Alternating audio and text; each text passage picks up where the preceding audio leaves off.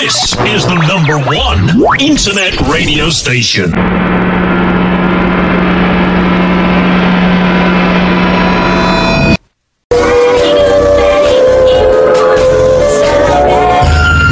Yuk, kita masuk.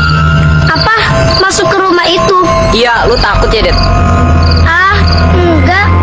Tapi Sesuatu yang menimbulkan perasaan ngeri atau takut yang amat sangat. Hal-hal yang terjadi di luar nalar akan kita bahas di sini bersama saya Algasa dengan beberapa narasumber di podcast misteri kisah horor.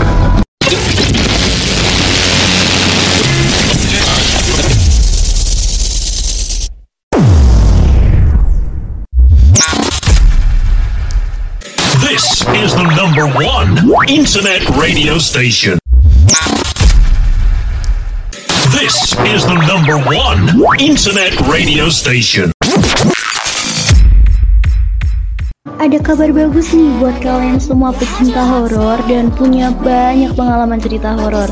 Kalian bisa loh jadi salah satu narasumber kami di podcast Misteri Kisah Horor. Caranya gimana? Kalian bisa langsung DM kami di @official kisah horor atau @pentol ke pentol. Ditunggu ya cerita-cerita dari kalian. See you in another podcast. Enjoy!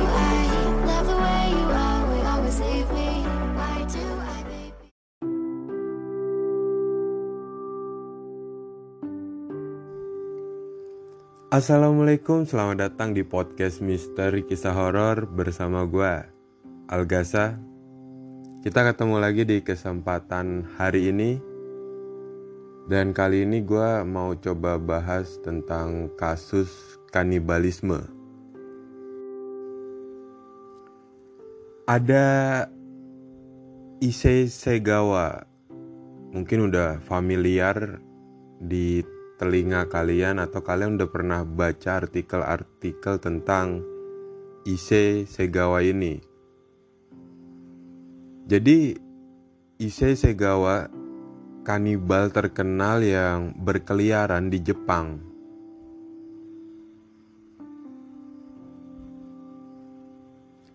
Issei Segawa adalah nama yang terkenal di Jepang, bahkan mungkin di dunia. Dia sangat terkenal dengan kasus kanibalisme dan lainnya, seperti melakukan hubungan intim dengan anjing, memperkosa orang yang sudah meninggal lalu memakannya. Lalu, siapakah Issei Segawa dan kisah kanibalismenya? Issei Segawa lahir pada tahun 1949 di Jepang. Dia lahir prematur dan dikabarkan kecil sebesar telapak tangan ayahnya. Itu membuat dia menghadapi komplikasi dan banyak masalah kesehatan yang serius.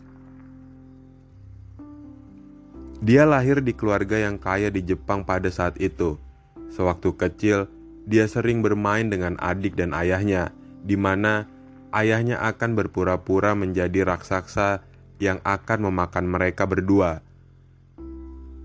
Dan sepertinya ini yang memicu Issei tertarik dengan kanibalisme. Semakin dewasa, Issei semakin ingin memakan daging manusia ditambah dengan fantasi seksnya yang aneh. Dia ingin sekali memakan daging wanita barat terutama yang cantik dan seksi. Sehingga pada tahun 1972 dia menerol masuk ke dalam apartemen wanita muda Jerman yang tinggal di Tokyo. Issei memang sudah ada niat untuk memakan wanita tersebut, tapi itu gagal. Dikarenakan badan Issei yang kecil menyebabkan ketika menyerang korban, Issei kalah. Lalu Issei kembali dan dia ditangkap oleh polisi. Namun karena keluarganya yang kaya, keluarganya menawarkan uang dan akhirnya Issei bebas tanpa tuduhan. Setelah kejadian itu, Issei yang berumur 28 tahun melanjutkan pendidikannya ke Paris dan menjadi salah satu mahasiswa jurusan sastra di universitas di sana. Setelah lulus, akhirnya dia bekerja sebagai penulis dan berteman baik dengan wanita Belanda yang berusia 25 tahun. Wanita tersebut bernama Rene Harteveld. Dia sering kali ke rumah Ise untuk belajar bahasa Jerman. Ketika itulah Ise memanfaatkan momen itu dan berniat untuk memakan daging manusia. Lalu pada 11 Juni 1981, Ise menembak Rene ketika dia sedang membaca puisi. Dia menembaknya dari belakang.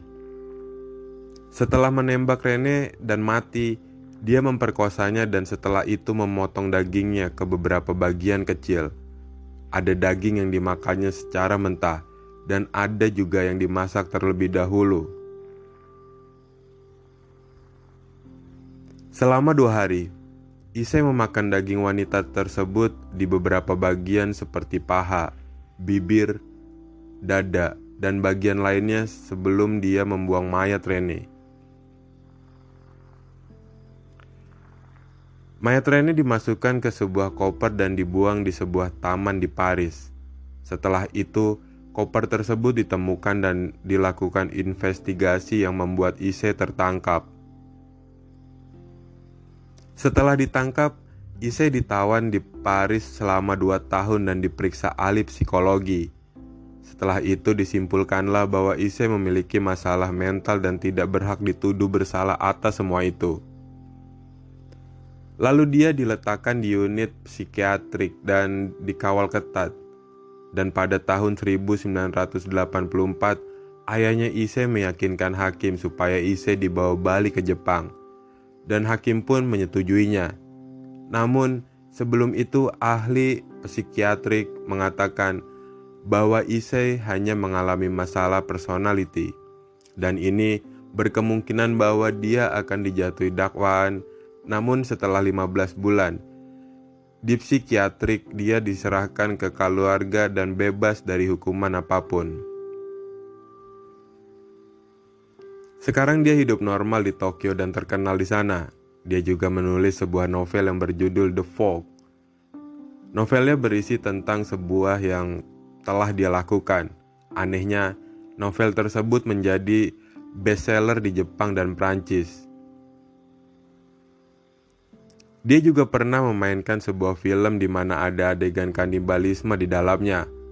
Namun dia mengaku hingga akhir hayatnya dia masih ingin melakukan kanibalisme. Terlebih jika melihat wanita cantik dan dia penasaran bagaimana rasanya.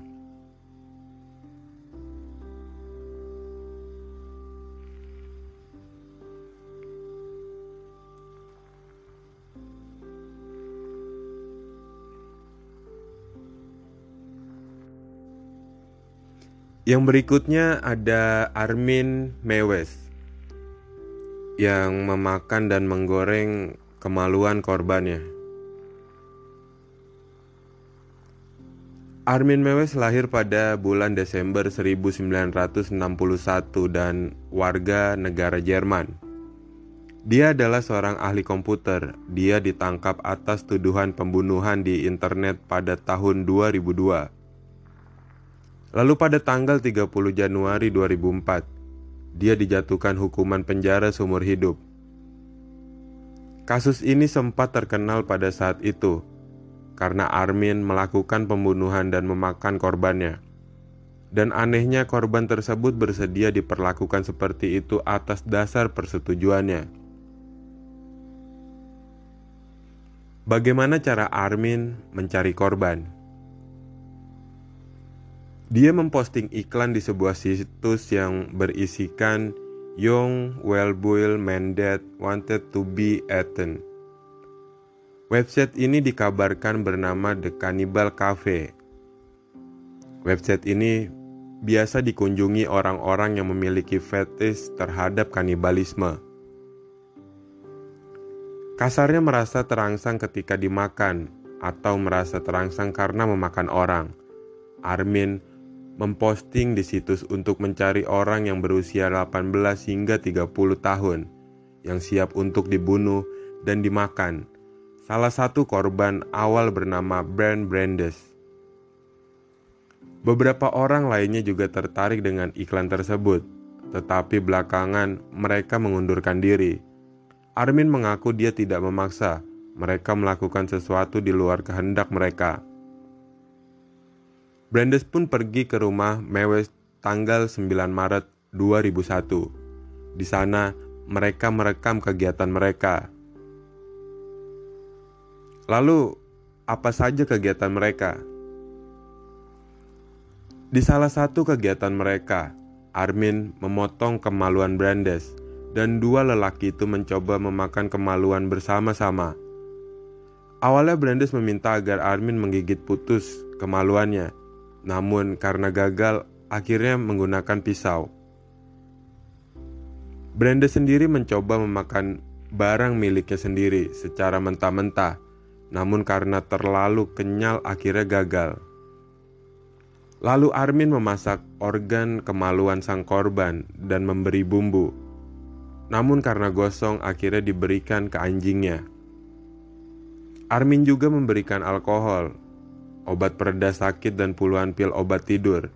Armin membunuh Brandes dengan cara menusuk tenggorokannya. Hingga tewas, dia menggantungkan mayat Brandes di pengait daging dan semenjak itu, dia memakan daging itu selama 10 bulan. Menyimpan sebagian daging ke lemari es, sisanya ke kotak pizza. Semua kejadian di atas direkam.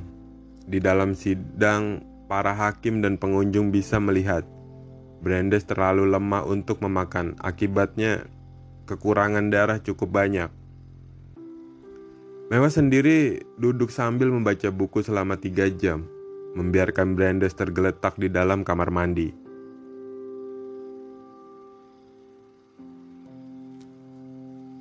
Lanjut ke berikutnya ada Jeffrey Dahmer, kami kanibal homoseksual. Jeffrey Dahmer adalah pembunuh berantai yang terkenal karena kekejamannya terhadap 17 korban yang semuanya pria. Jeffrey Dahmer lahir tanggal 21 Mei 1960 di Amerika. Pada masa kecilnya, Jeffrey terlihat normal meski dia sangat pendiam. Namun sejak dia beranjak dewasa dan orang tuanya bercerai, Jeffrey berubah menjadi seorang yang antisosial dan sering mengumpulkan bangkai-bangkai hewan yang dia temukan di mana saja. Setelah lulus SMA di tahun 1978, Jeffrey mulai melakukan pembunuhan pertamanya terhadap seorang remaja pria bernama Stephen Hicks yang sedang mencari tumpangan mobil. Dia membunuh Hicks memutilasi dan menguburkan jasadnya di beberapa tempat. Setelah itu, entah kenapa Jeffrey berhenti melakukan pembunuhan untuk sementara. Jeffrey lalu kuliah di Ohio State University, namun dia di DO karena selalu mabuk di kelas. Kemudian Jeffrey Dahmer masuk ke angkatan darat dan dikirim ke Jerman. Tidak lama kemudian, Jeffrey dipecat dari angkatan darat lagi-lagi karena mabuk. Lalu dia dikasih tiket pulang ke Amerika. Waktu itu di rumah, dia malah menggali lagi kuburan Hicks dan memajang sisa-sisa tengkoraknya di pohon. Jeffrey lalu tinggal bersama neneknya di Wisconsin, tapi karena masalah alkohol, Jeffrey ditahan polisi karena berkelakuan buruk di jalan. Setelah bebas, Jeffrey membunuh seorang pria bernama Tommy dan memasukkan mayatnya ke dalam koper dan dimasukkan ke basement rumah neneknya. Karena beberapa alasan, dia diusir oleh neneknya dan akhirnya di bulan Mei tahun 1990, Jeffrey menyewa apartemen sendiri. Di sinilah semuanya menjadi-jadi. Dia mulai membuat ritual nekropilia alias ngeu dengan mayat. Jadi yang dia lakukan adalah membunuh korbannya, diperkosa lalu dipotong-potong dan bahkan dimasak. Selanjutnya selama 13 tahun Jeffrey selalu mencari korban selanjutnya. Biasanya dia mencari korban di gay bar, membawanya ke rumah lalu dibunuh. Dia menjadikan bagian tubuh mayat-mayat itu sebagai souvenir dan mengambil gambarnya. Ada beberapa tengkorak yang dimasukkan ke kulkas, dimasukkan ke dalam tong berisi cairan kimia, dan dia malah mau membuat robot dari para mayat itu.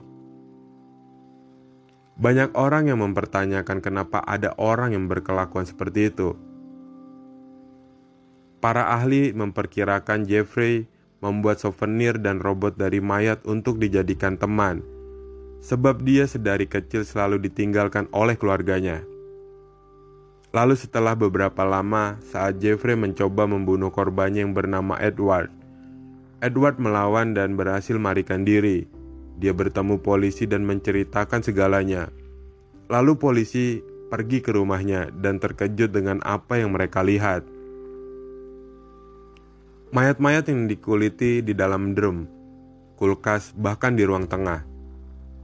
Dia lalu tahan di kantor polisi namun pengadilan menganggap Jeffrey mempunyai gangguan kejiwaan sehingga dia tidak dipenjara, melainkan ditempatkan di rumah sakit jiwa. Beberapa tahun di rumah sakit jiwa, tiba-tiba Jeffrey dikabarkan tewas dipukuli oleh sesama napi yang juga ditahan di rumah sakit jiwa. Dikabarkan dia dipukuli oleh orang yang disuruh keluarga korban untuk membunuh Jeffrey yang tidak terima bahwa dia tidak dipenjara. Yang berikutnya ada Kevin Davis. Membunuh dan memperkosa ibunya sendiri. Pada tahun 2014, kejadian yang tidak terduga terjadi. Seorang remaja berusia 18 tahun membunuh ibunya sendiri dengan cara yang sadis. Dia memukul ibunya tepat di kepalanya hingga pecah. Mengetahui kepala ibunya terbuka, David justru mengambil pisau dan mencampur otaknya dengan beberapa bahan lalu memakannya.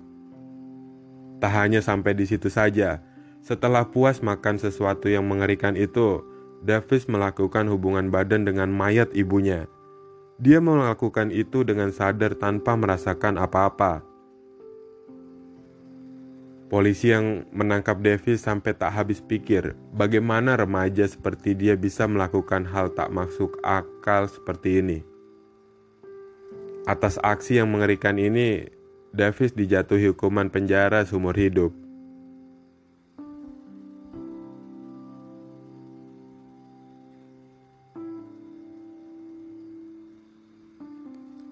Oke, itulah tadi beberapa kasus kanibalisme. Sebenarnya kalau kita bicara tentang kasus-kasus kanibalisme mungkin banyak ya. Uh, mungkin next gue akan coba cari-cari lagi kasus-kasus kanibalisme yang mungkin belum gue bawain di podcast ini. Mungkin segitu aja dulu dari gue kita ketemu lagi di episode selanjutnya dan Terima kasih sudah mendengarkan.